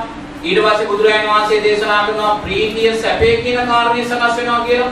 ප්‍රීතිය සැපේ කියන කාරණේ සකස් වෙලා ඒ ප්‍රීතිය සැපයත් අනිත්‍ය වෙලා උපේක්ඛාව කියන තත් දෙනවා. මෙන්න මෙතන ධ්‍යානතල කියලා බුදුරජාණන් වහන්සේ දේශනා කරනවා. තේරුණාද? හැබැයි ධ්‍යානතල කෙරේ නම් මම නම් කවදාකවත් උපාදානය සකස් කරගත්තේ නැහැ. ධ්‍යාන කියන කාරණේ කෙරේ උපාදානයක් යමක් සකස් කරගත්තොත් ඒක කවදාකවත් අපිට දුක පිණිසමයි හේතු වෙන්නේ. කවදාකවත් විදර්ශනාවට හිත යන්නේ නැහැ. ඒ නිසා සමාධිමත් හිත ආනාපාන සතිය හැම වෙලාවෙම උපේක්ෂාව හිත සමාධිමත් තැනට ගන්න විතරක් උපයෝගී කරගන්න. ඔබේ ධානාතලය මොකද්ද කියලා හොයන්න යන්න එපා. මොකද ධානාතල කියන්නේ අනිත්‍ය වූ දෙයක්. ධානාතල කියන්නේ මේ බුදුරජාණන් වහන්සේ පහළ වෙන්නේ ඉස්සෙල්ලා ඔය ආලාර කාලාම උද්දකරාම පුත්‍රලා වගේ ඔය ධානාතල වල ජීවත් වෙච්ච අය. ඒගොල්ලෝ ධානාතල ආස්වාදය කරගෙන ජීවත් වුණා වූ අය. නමුත් බුදුරජාණන් වහන්සේ කොතනකවත් මේ ධානාතල වර්ණනා කරන්න ඉන්නේ නැහැ. බුදුරජාණන් වහන්සේ දේශනා කරන්නේ ධ්‍යාන මට්ටමට හිත ගන්න. අරගෙන ඒ ධ්‍යාන මට්ටමේ සමාධිය විදර්ශනාවට යොමු කරන්න කියලා බුදුරජාණන් වහන්සේ දේශනා කරා. මොකද යම් හේකින් අපි ධ්‍යාන වලට ආස්වාදයේ සකස් කරගෙන හිටියොත් ධ්‍යාන වලට යන්න පුළුවන් දක්ෂභාවය ඇති කරන් හිටියොත් අපි මැරෙන වෙලාවේ එක පාට අපේ හිත ධ්‍යානයකට ගියොත් ඒ කියන්නේ අපි මැරෙන වෙලාවේ පළවෙනි ධ්‍යාන තලයක හිත ගියොත් අපි පළවෙනි ධ්‍යාන තලයට අදාළව රූපාවචර බ්‍රහ්මතලයක උප්පත්තිය ලබනවා. භව නිරෝධයට ගියාද ආයෙමත් අපි සතර අපායට වැටෙනවා. තේරෙනවද? අපි මරණ වෙලාවේ නිකන් හරි අපි ධානය වඩලා පුරුදු වෙලා දෙවෙනි ධානයට හිත ගත්තොත් මොකද ධාන කියන්නේ ආස්වාදයක්. ධාන වලට බුදුරජාණන් වහන්සේ කියන්නේ වේදනාවේ ආස්වාදය කියලා. ඒතකොට මෙතෙන්ට හිත ගත්තොත් අපි ඊට අදාළව රූපාවචර බ්‍රහ්මතලයක උප්පත්තිය ලබනවා. ඒ නිසා ධාන කියන දේ හැම වෙලාවම අවශ්‍යයි විදර්ශනාවට. ඒ නිසා ධාන එකේද දෙකේද තුනේද හතරේද කියන කාරණේ හොයන්න යන්න එපා. ඔබ හිත සමාධිමත් කරගෙන ඒ සමාධිමත් ධානාගත හිතෙන් විදර්ශනාවට යොමු වෙන්න කියලා බුදුරජාණන් වහන්සේ දේශනා කරා. හරිද ඒ උත්තරේ? එහෙනම් ඒව පස්සේ යන්න එපා. ඒව දියොත් අපිට මේ ජීවිතේ පැටලෙනවා. මොකද ඔබ ධාන වඩලා සංසාරේ කල්ප ගණන් මේ මේ රූපාවචර අරූපාවචර බ්‍රහ්මතල වල ජීවත් වෙලා තියෙනවා. කල්ප ගණන්. නමුත් කල්ප ගණන් ජීවත් වෙලා අපි ආයිම සතර පායන් වැටෙනවා. මොකද විදර්ශනා නෝන සකස් කරගෙන නැහැ. ඒ නිසා හැම වෙලාවෙම ධානය කියන කාරණයක් අනිත්‍යයි කියලා දකින්න අපි දක්ෂ වෙන්න ඕන. එතන තමයි ධර්මය.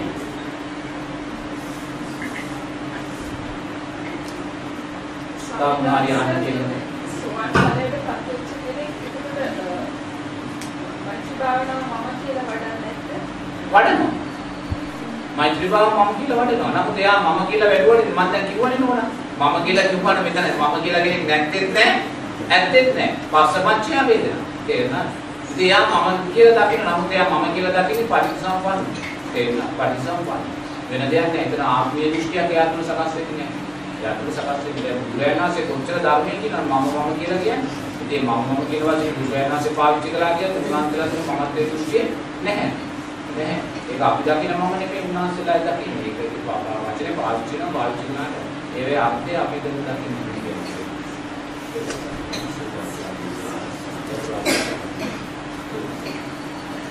තව මොනාරි අහන්න තියෙනවද? හරි.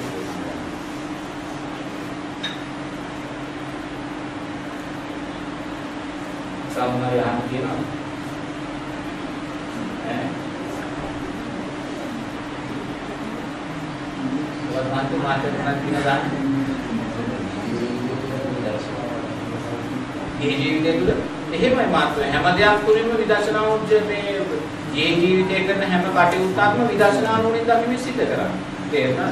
කොයි දේ වුණත් මොකක් වුණත් මොනවා දෙයක් දැක්කත් අපිට අපි මහපාරේ යනකොට මලමිනියක් ගෙනියනවා දැක්කත් අපිට මලමිනිය තුලින් මම මැරිලා සංසාරේ ගොඩ ගැසුවා වූ මලකඩන් කොච්චරක් ඇද්ද කියලා මුලින් දකින්න. පාරේ ආචක මහත්තයෙක් කිය දැක්වත් මං සංසාරේ ආචකයෙක් වෙලා කොච්චරනම් මේ විදිහේ දුක් විඳින්නද කියලා දකින්න. තමන් කරන වෘත්තිය තුල උනත් අනේ මට ඉස්සෙල්ලා මේ වෘත්තිය කළා වූ කී දහහක් ඉන්නද කියලා දකින්න. ඒගොල්ලෝ මේ වෙලාවේ මැරිලා ගිහිල්ලා කොයි ඇතිද කියලා මනසින් දකින්න. ඒ වගේ හැම දෙයක්ම මාත්‍රේ විදර්ශනා වුණ සකස් වෙන ආකාරය දකින්න. කොයි දෙයක් දකින්න රූපයක් දැක්කත් ඒ රූපේ වයෝ වෘද්ධ භාවයටපත් වෙනවා මැරෙනවා මැරිලා ගිහිල්ලා නැවත එක එක තැන්වල උපදිනවා මනසින් දකින්න. ඒ පොදන වුණත් විදර්ශනා වුණ සකස් කරගන්න පුළුවන්. තේරුණා? හැම දෙයකින්ම විදර්ශනා නුවණ සකස් කරගන්න පුළුවන්. ඒ විදර්ශනා නුවණ සකස් කරගන්නකොට ඔය ආරෂ්ඨාංගික මාර්ගයේ දැන් සාමාන්‍ය එදිනෙදා අපේ මේ පුරුතිය ජීවිතයේදී මේ අපි අදින් නිරතරම බැහැර වෙන දෙයක් තමයි මේ සම්මා සංකප්පයන් කියන කාරණා. තේරෙනවද? සම්මා සංකප්පයක් කියන්නේ බුදුරජාණන් වහන්සේ ආරෂ්ඨාංගික මාර්ගයේ කොටස් තුනකට කඩනවා සීල සමාධි ප්‍රඥා කියලා. ඒතකොට සීලයට සම්මා වාචා කම්මන්තෝ ආජීව වෙන් කරනවා. සමාධියට සම්මා වායාමෝ සති සමාධි වෙන් කරනවා. ප්‍රඥාවට තමයි මාත්‍ය සම්මා දිට්ඨි සම්මා සංකප්ප යොදා. තේරෙනවද? එතකොට මේ සම්මා දිට්ඨියයි සම්මා සංකප්පයෙන් තොරව කවදාකවත් ආරෂ්ඨාංගික මාර්ගයේ පල්ලෙහා මාර්ගාංග වැඩෙන්නේ නැහැ. ඒ නිසා අපි නිරතුරුව මාත්‍ය සම්මා දිට්ඨිය කියන කාරණයට අපිපත් වෙලා තියෙන්නේ. ලෞකික සම්මා දිට්ඨිය. නමුත් සම්මා සංකප්පයන්ගෙන් මුගක් වෙලාවට රාජකාරී ජීවිතේදී අපි බැහැරට යනවා. නමුත් මම දන්නා මහත්යනම් බැහැරට යන්නේ නැහැ කියලා. තේරුණාද? මොකද සම්මා සම්මා සංකප්පයේදී අවිහිංසා සංකප්පය කියන්නේ මාත්‍යෝ හිංසාව තුන අපි ජීවත් වෙනවා. හිංසාව කියන්නේ මිනිස්සුන්ට ගහනවා මරනවා කියන කාරණයක් නෙමෙයි. තමන්ගේ රාජකාරී ජීවිතයේදී තමන් ඉස්සරහට එන සේවාදායකයාව අපි ප්‍රමාද කරනවා නම් රස්තියාදු කරනවා නම් හෙට එන්න අනිද්දා එන්න කියලා කියනවනම් ඒ මොහොතේ මෙයා සම්මා සංකප්පයෙන් බැහැර වෙනවා. තේරුණා? එතකොට අපි ඉස්සරහට සේවාදායකයෙක්ගේ ඒ සේවාදායකයා නිසා අපි ද්වේෂය සකස් කර ගන්නවා නම් එහෙම නැත්නම් අපි බිරිඳ දරුවන් සමාජයේ යාළුවා උදෙසා ද්වේෂයක් සකස් කර ගන්නවා නම් ඒ මොහොතේම අපි සම්මා සංකප්පයෙන් බැහැර වෙනවා. තේරෙනවද? ඒතර ඒ වගේම නිරේතුරුවම අපි ලෝභ, ද්වේෂ, මෝහයන් ඇති කර ගන්නවා නම් රාජකාරී ජීවිතයේ මේ මොහොතේම අපි නෙක්කම සංකප්පෙන් බැහැර වෙනවා. නෙක්කම කියන්නේ මොකද්ද? ලෝභ, ද්වේෂ, මෝහයන් අතහැරලා අලෝභ, අද්වේෂ, මෝහයන් තුරට එනවා. ඒතකොට රාජකාරී ජීවිතයේදී අපි වර්තමානයේ මාත්‍ර 199ක් සම්මා සංකප්පයෙන් බැහැරට යනවා. තේරෙනවද? ඒ නිසා නිරේතුරුවම රාජකාරී ජීවිතයේදී අපි දක්ෂ වෙන්න ඕනේ තමා ඉදිරියට එන්නා වූ කවුරුණා ඒක නාම සතුටු කරගන්න. අපිට සමාජගත අපේ ආයතන රාමුව තුල නීති රාමුව තුල යාට අවශ්‍ය කාරණේ ඉදු කර දෙන්න බැරි වෙන්න පුළුවන්. නමුත් එහෙම වුණත් මාත්‍යෝ හිනාවකින් අපි අධිරාව සතුටු කරලා අපි මේ හිනාවෙන් යාව සතුටු කරන මොහොතේම මාත්‍යෝ අපි සම්මා සංකප්පයන් තුළට ඇරිලා. තේරෙනවද? එතකොට ඒ වගේ නිරේතුරුවම අපි දක්ෂණම් රාජකාරී කරන පැයටේ ආරෂ්ඨාංගික මාර්ගයේ වැඩිම පැයටක් කරගන්න. ඊළඟ මාත්‍යෝ වේගයෙන් ආරෂ්ඨාංගික මාර්ගය තුළට අපි ලං වෙනවා. හුඟක් අය මේ රාජකාරී ජීවිතයේදී ආරෂ්ඨාංගික මාර්ගයෙන් බැහැරට යනවා. බැහැරට ගිහිල්ලා ගෙදර ගිහිල්ලා පැය හතර පහක්මයි ආරෂ්ඨාංගික මාර්ගය ගැන හිතන්නේ ඒක අපිට ප්‍රමාණවත් වෙන්නේ නැහැ. ඒ නිසා හැම වෙලාවම මාත්‍ය කොයි දේ සතියෙන් සිහියෙන් යුතුව සිද්ධ කරනවා. තේරුණා? කොයි දේ සතියෙන් සිහියෙන් යුතුව කරනවා. තමන් කරන රාජකාරිය උනත් රාජකාරිය කරන්නේ මම කවදා හරි දවසක මෙතනින් විශ්‍රාම යන්න වෙනවා. විශ්‍රාම යනවා මම වයසට යනවා වයෝ වෘද්ධ වෙනවා මිය පරලොව යනවා නැවත ඉපදෙනවා මේ චක්‍රය දකිමින් ඉඳීම විදර්ශනාවක් වෙන දෙයක් නෙවෙයි මාත්‍යාට මතක තියෙන පුංචි කාලේ අම්මාගේ මව් කුසේ ඉඳන් මේ මොහොත දක්වා ආවා වූ ගමන සිහිපත් කරන් ජීවත් වෙන්න පුළුවන් නම් ඊට වඩා විදර්ශනාවක් නැහැ. තේරෙනවද ඉතින් ඕක තමයි විදර්ශනාව. ඒ නිසා හැම වෙලාවෙම මේ අනිත්‍ය වූ දේ අනිත්‍ය වශයෙන් දකින්න. අනිත්‍ය වූ දේ අනිත්‍ය වශයෙන් දකින්න. එහෙම වුණාම අපි දන්නවා කෝටිපති ව්‍යාපාරිකෝ කියයි කෝටිපති ව්‍යාපාරිකෝ සමාජලට බංකොලොත් වෙලා පල්ලෙහාට වැටිලා අප්‍රමාණ දුකටපත් වෙලා සතර අපායට වැටෙනවා. සමාන කෝටිපති ව්‍යාපාරිකයෝ ඉන්නවා මැරෙන වෙලාව මේගොල්ලන්ගේ මේ ව්‍යාපාර අතහැර ගන්න බැරුව මැරිලා කියලා සතර අපායේ වැටෙනවා. ඉතින් මාත් මේවා නුවණින් මෙහෙ කරමින් මේවා දකිමින් ජීවත් වෙද්දී විදර්ශනා නුවණයි සකස් වෙන්නේ. ඒකයි බුදුරජාණන් වහන්සේ කියන්නේ මුලින්ම කල්යාණ මිත්‍රාශ්‍රය ලබන්න ඊළඟට සද්ධර්ම ශ්‍රවණය කරන්න ශ්‍රවණය කළා වූ සද්ධර්මයෙන් නුවණින් මෙනෙහි කරන්න. උතර තමයි මාන්තයෝ මේ ප්‍රඥාව සහ සද්ධාව සකස් වෙන හේතුව. ඒ නිසා නිරේතුරුවම මේ රූපය එහෙම නැත්නම් රූපය අනිත්‍යභාවය දකින්න ජීවත් වෙනවා. රූපය අනිත්‍යභාවය දකින්න ජීවත් වෙනවා. තේරෙනවද? පුංචි කාලේ ඉඳන් මෙතෙන්ට ආවා වූ ගමන නුවණින් දකින්න ජීවත් වෙනවා. මෙතන ඉඳන් කවදා හරි මැරෙන මොහොතේ ඒ මැරෙන්නා වූ තැනට යනකන් ස්වභාවයේ මනසින් දකින්න. ඒතකොට එහෙම කළාම රූපය කෙරෙහි තියෙන තෘෂ්ණාව අපෙන් අඩු වෙනවා. රාජකාරී ජීවිතයේදී රාජකාරී අතීතයේ කරපු අය මැරිලා ඒගොල්ලෝ මේවා අවසන් වෙන්නේ මනසින් දකින්න. ඉතින් ඒ වගේ දක්මින් මාත්‍යෝ මේවා කෙරෙහි තියෙන තෘෂ්ණාව ප්‍රමාණිකුල එහෙම අඩු කළාම මුළු රාජකාරී පැයකේම අපි විදර්ශනාව තුළ ජීවත් වෙනවා. විදර්ශනාව තුළ ජීවත් වෙනවා. පොතනිකවත් අපි ආරෂ්ඨාංගික මාර්ගයෙන් බැහැරට යන්නේ නෑ මොකද සතිය හැම වෙලාවම අපි තුළ පිහිටලා. මොකද සංසාර බය සකස් වෙලා. සංසාර බය සකස් වුනේ මොකද්ද? සද්ධාව තුළ අපි පරිපූර්ණ වෙනවා. ඉතින් මේවා හේතුඵල ධර්මයන් නිසා සකස් වෙන දේවල් මම. මුල් වෙන්නේ සද්ධාව. සද්ධාවෙන් පරිපූර්ණ නම් මාර්ගය විතර මාර්ගයේ තමා තුලින්ම මේවා සකස් කරලා දෙනවා. පැහැදිලි කරලා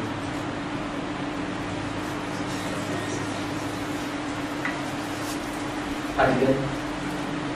තාමතරි අහන්න දෙයක් තියනවද? ඈ?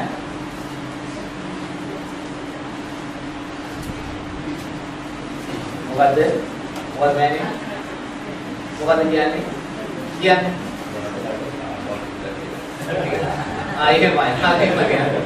ධර්මයේ නැවත නැවත ඇහුවාම තමයි ඒක නැවත නැවත තවදව නැවත නැවත අහන්න කියනවා. ඒක තමයි ධර්මයේ අපිට ඒක තේරුම් යන්නේ.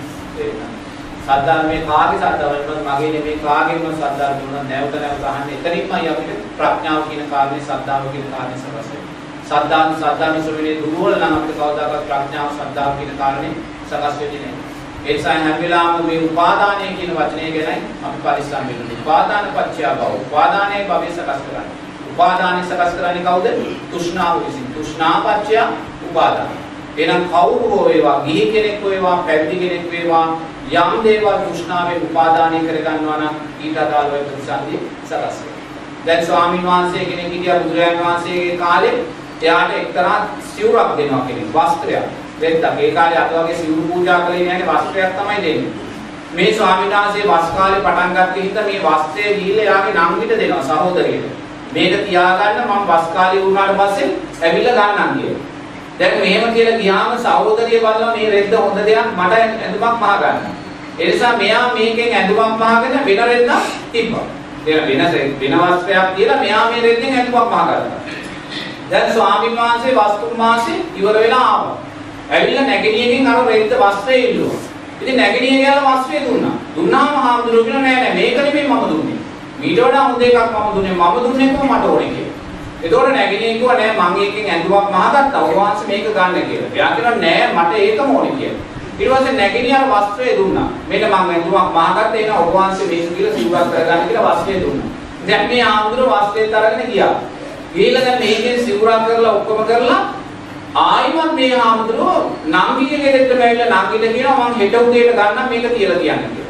ඒ කියන්නේ මේ ස්වාමීන් වහන්සේ එච්චර සීලය තුල හිටපු කෙනෙක් නෙමෙයි. නංගිට දුන්න සිවුර කියලා තියන්නේ හෙට උදේ ගන්නම් කියලා.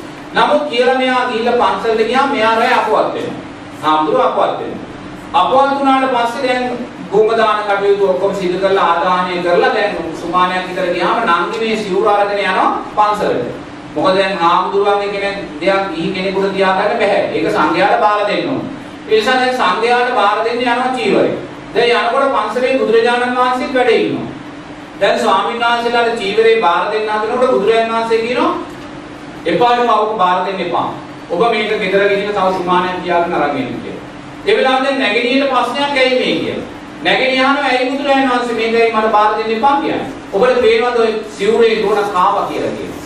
ඔය කාවා ඔබේ හාමුදුරුවෝ ඔය උපත්තිය ලැබලා මේ සිවුර කෙරේ තෘෂ්ණාවෙන් කියනවා. ඕපපාතිකෝ උපත්තිය ලැබලා.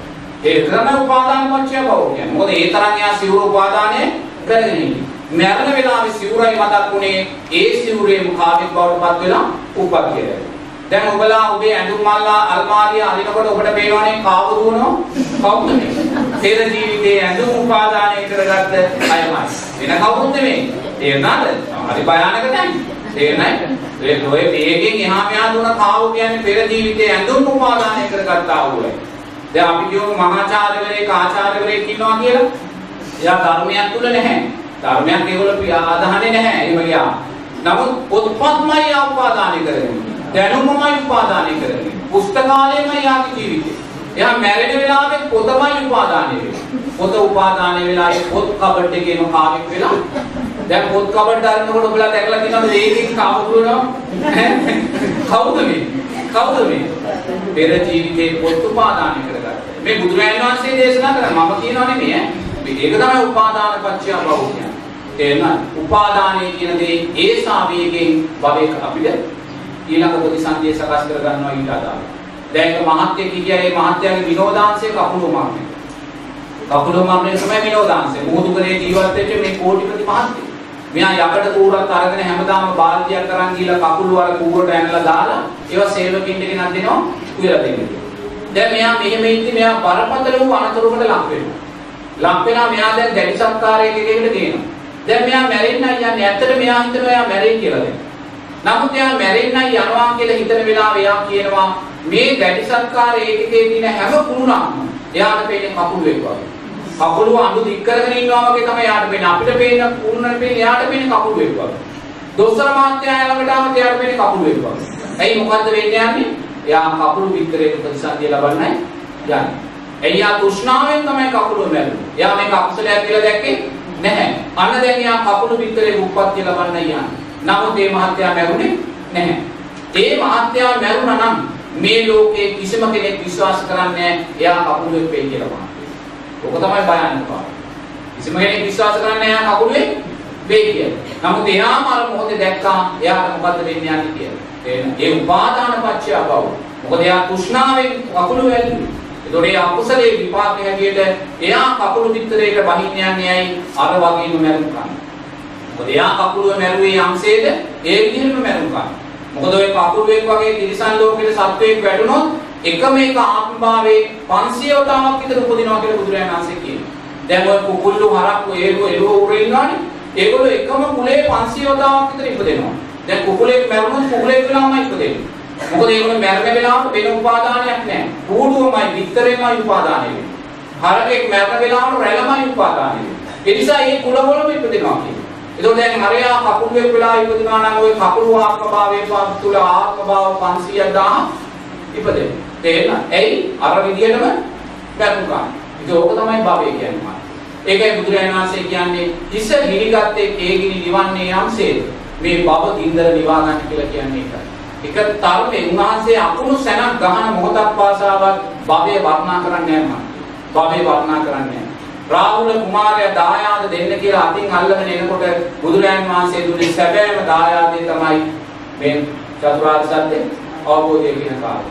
එහෙනම් ඉන් මෙහා දෙන දායාදයක් උන්වහන්සේට තිබ්බේ මොකද ඉන් මෙහා දායාදයක් දුන්නා නම් ඒ දුන්නේ දුකමයි. තේරුණා? ඒ නිසා අපි මේ යන්නා වූ ගමනේදී අපි යන්නේ දුක සොයාගෙනද සැප සොයාගෙනද යන කියන කාරණේ අපි දකින්න ඕනේ. මොකද අපි යම් හේකින් භවයට නැවත වැටුණොත් ඒ භවයේ දුක විඳින්න වෙන්නේ අපිටමයි. මොකද මෛත්‍රී බුදුරජාන් වහන්සේ පහළ වෙන තව අවුරුදු ලක්ෂ 25ක් වත් යනවා. අවුරුදු ලක්ෂ 25ක්. අපිට මේ අවුරුදු 70 කොච්චර දිගද කියලා පේනවනේ.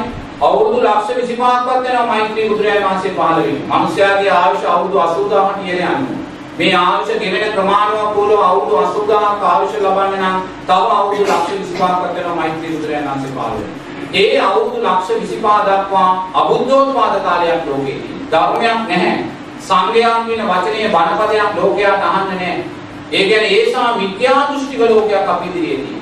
එනම් මාත්‍ය දුක කියන කාරණේ ප්‍රමාණය මෙපමණයි කියලා අපිට කියන්නේ. එනම් මේ සංසාර බය නුවණින් දකිමින් මේ ජීවිතේදීම සතර අපායෙන් මිදෙනවා කියන චිත්තයයි ඇති කරගන්න.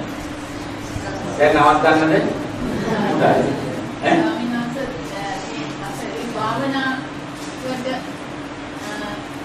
ඒක තමයි නෝන පංච උපාදානස්කන්ධයේ අනිත්‍යභාවය කියන්නේ භාවනාව. තේරුණාද? දැන් මම කිව්වේ ඇසේ අනිත්‍යභාවය මේ ඇස පස් ගොඩක් කරලා දකින්න කියලා. මේ කන මේ නාසය මේ දිව පස් ගොඩක් කරලා දකින්න කියලා. ඒ සියල්ලම භාවනාව. තේරුණාද? බුද්ධානුස්සතිය මුල් වෙන්නේ. තේරෙනවද? බුද්ධානුස්සතිය විදර්ශනා නුවණින් දකින්න ඕනේ. ඔබතුමිය කොච්චර බුද්ධානුස්සතිය වැළුවත් ඔබතුමිය අරන් යන්නේ භවයට, සුගතියට. භව නිරෝධයට අරන් යන්නේ නැහැ. දැන් මෙච්චර කාලයක් අපි බුද්ධානුස්සතිය තමයි වැළුනේ. නමුත් වැඩක් උනේ නැහැ. භවයේම සුගතිගාමී උපතක් ලැබුණේ. මෛත්‍රී වැඩුවොත් භවයේම සුගතිගාමී උපතක් ලබන්නේ. ඒ නිසා මේවා විදර්ශනා නුවණින් දකින්න ඕනේ. බුදුරජාණන් වහන්සේ බුද්ධානුස්සතිය වඩනවා කියන්නේ බුදුරජාණන් වහන්සේගේ ගුණයන් සිහිපත් කරනවා. ඉතිපිසෝ භගවා අරහං සම්මා සම්බුද්ධෝ විද්‍යාධර්ම සම්පන්නෝ සුගතෝ ලෝකවිදෝ මේ ආකාරයෙන් බුදුරජාණන් වහන්සේගේ ගුණයන් සිහිපත් කරනවා. එතකොට බුදුරජාණන් වහන්සේගේ ඥානයන් අර දුක්ඛේ ඥානං බුද්ධ ඥානං දුක්ඛ සමුදය ඥානං බුද්ධ ඥානං දුක්ඛ නිරෝධේ ඥානං බුද්ධ ඥානං දුක්ඛ නිරෝධ ගාමිනී පටිපදාය ඥානං බුද්ධ ඥානං මේ ආදී වශයෙන් ඒ උතුම් ඥාන ධර්මයන් මෙනෙහි කරනවා. එහෙම මෙනෙහි කරලා බුදු ගුණයෙන් මුළු ජීවිතේම පුරව ගන්න. බුද්ධානුස්සතිය කියන්නේ. එහෙම බුදු ගුණයෙන් මුළු ජීවිතේම පුරවගෙන ඊට පස්සේ අන්න බුද්ධානුස්සතිය විදර්ශනාවට ලක් කරනවා. බුද්ධානුස්සතිය විදර්ශනාවට ලක් කරන්නේ කොහොමද? අතීතයේ බුද්ධත්වයට පත් වුණා වූ ලක්ෂ ගාණක් බුදුරජාණන් වහන්සේලා පිරිනිවයි පී ගියායි කියන කාරණේ මොනින් දකින්න. අතීතයේ පහළ වුණා වූ බුද්ධ ශාසන ලක්ෂ ගාණක් අතුරුදහන් වෙලා ගියායි කියන කාරණේ නුවණින් දකින්න. අතීතයේ පහළ වුණා වූ බුදුරජාණන් වහන්සේලා ලක්ෂ ගානම ජාති ජරා ව්‍යාධි මරණයන්ටපත් වුණායි කියන කාරණේ නුවණින් දකින්න. අපේ බුදුරජාණන් වහන්සේගේ දෙතිස් මහා පුරුෂ ලක්ෂණයන්ගෙන් බබලන සම්මා සම්බුද්ධ රූපකාය පිරිනිවන් මංචකයේදී අලු ගොඩක් ධාතුන් වහන්සේලා ගොඩක් වුණායි කියලා මනසින් දකින්න. අපේ බුදුරජාණන් වහන්සේ අවබෝධ කළා වූ සම්මා සම්බුද්ධ ඥානයන් අනිත්‍යභාවයටපත් වුණායි කියලා මම මොනින් දකිනවා. මේ සම්මා සම්බුද්ධ ශාසනයක් අවරට ගිහිල්ලා කාසාය කණ්ඩකලාගේ ලෝකයක් බිහි වෙනවා කියලා නුවණින් දකිනවා. අන්න සත්‍තා විදර්ශනා නුවණින් බුද්ධානුස්සතිය විදර්ශනා නුවණින් දකිනවා. බුදුරජාණන් වහන්සේට බැඳෙන්නේ නැහැ. දැන් අපේ පැවිදි කාලේ අපි මුල් කාලේ අපි රුවන්වැලි මහා සෑය සිතෙන් මවාගෙන සාදුකාර දුන්නා. රුවන්වැලි මහා සෑය සිතෙන් මවාගෙන සාදුකාර දුන්නා කියන්නේ මොකද්ද? මාර්යාට ලකුණු දුන්නා කියන කාරණය. මාර්යා හරි කැමති සාදුකාර දෙනා රුවන්වැලි සෑය සිතෙන් මවාගෙන. මොකද භවය සුගතිය. එහෙම මුලින්ම අපි බුදුරජාණන් රුවන්වැලි මහා සෑය හිතෙන් මවාගෙන සාදුකාර දීලා මනසින් ඊළඟට ඒ රුවන්වැලි මහා සෑය අලු වෙලා දූවිලි වෙලා සුනාමියට අහු වෙලා භූමිකම්පාවලට අහු වෙලා ගංගා වතුරට අහු වෙලා ගිලා බහැලා අලු ගොඩක් කුඩු වෙලා ගොඩක් වෙලා කියනවා මනසින් දකින්න. ඒක තමයි විදර්ශනා. අන්න මායයට පහර දෙනවා. තේරෙනවද? අපි සාදු සාදු කියලා මදිනකම් මායාවේ උගුලේ ඉර වෙලා ඉන්නේ. ඒතකොට මුලින් සාදුකාර දීලා වැඳලා දෙවනුව මායයට පහර දෙන්න ඕනේ. කොහොමද පහර දෙන්නේ? මේ වායේ අනිත්‍යභාවයෙන් නෝනි. එතකොට අපි මේවාට බැඳිලා යන්නේ කුසලයට බැඳිලා යන්නේ නැහැ. එහෙම නැත්නම් අපි බුදුරජාණන් වහන්සේට බැඳිලා යනවා. ධර්මයට බැඳිලා යනවා. සංඝයාට බැඳිලා යනවා. මේවාට බැඳිලා ගියත් එතන තියෙන්නේ දුකමයි. ඒක මොකද භවයේ සුගතිය උපදා. ඒ සුගතිය ආයමත් දීර්ඝ අවුරුදු කාල කාලවල අපි ආයමත් දුගතියට වැටෙනවා. ඒ නිසා කොතනක් ශක්තිය ලැබෙන්නේ විදර්ශනා නුවණින් දැක්කොත් විතරයි.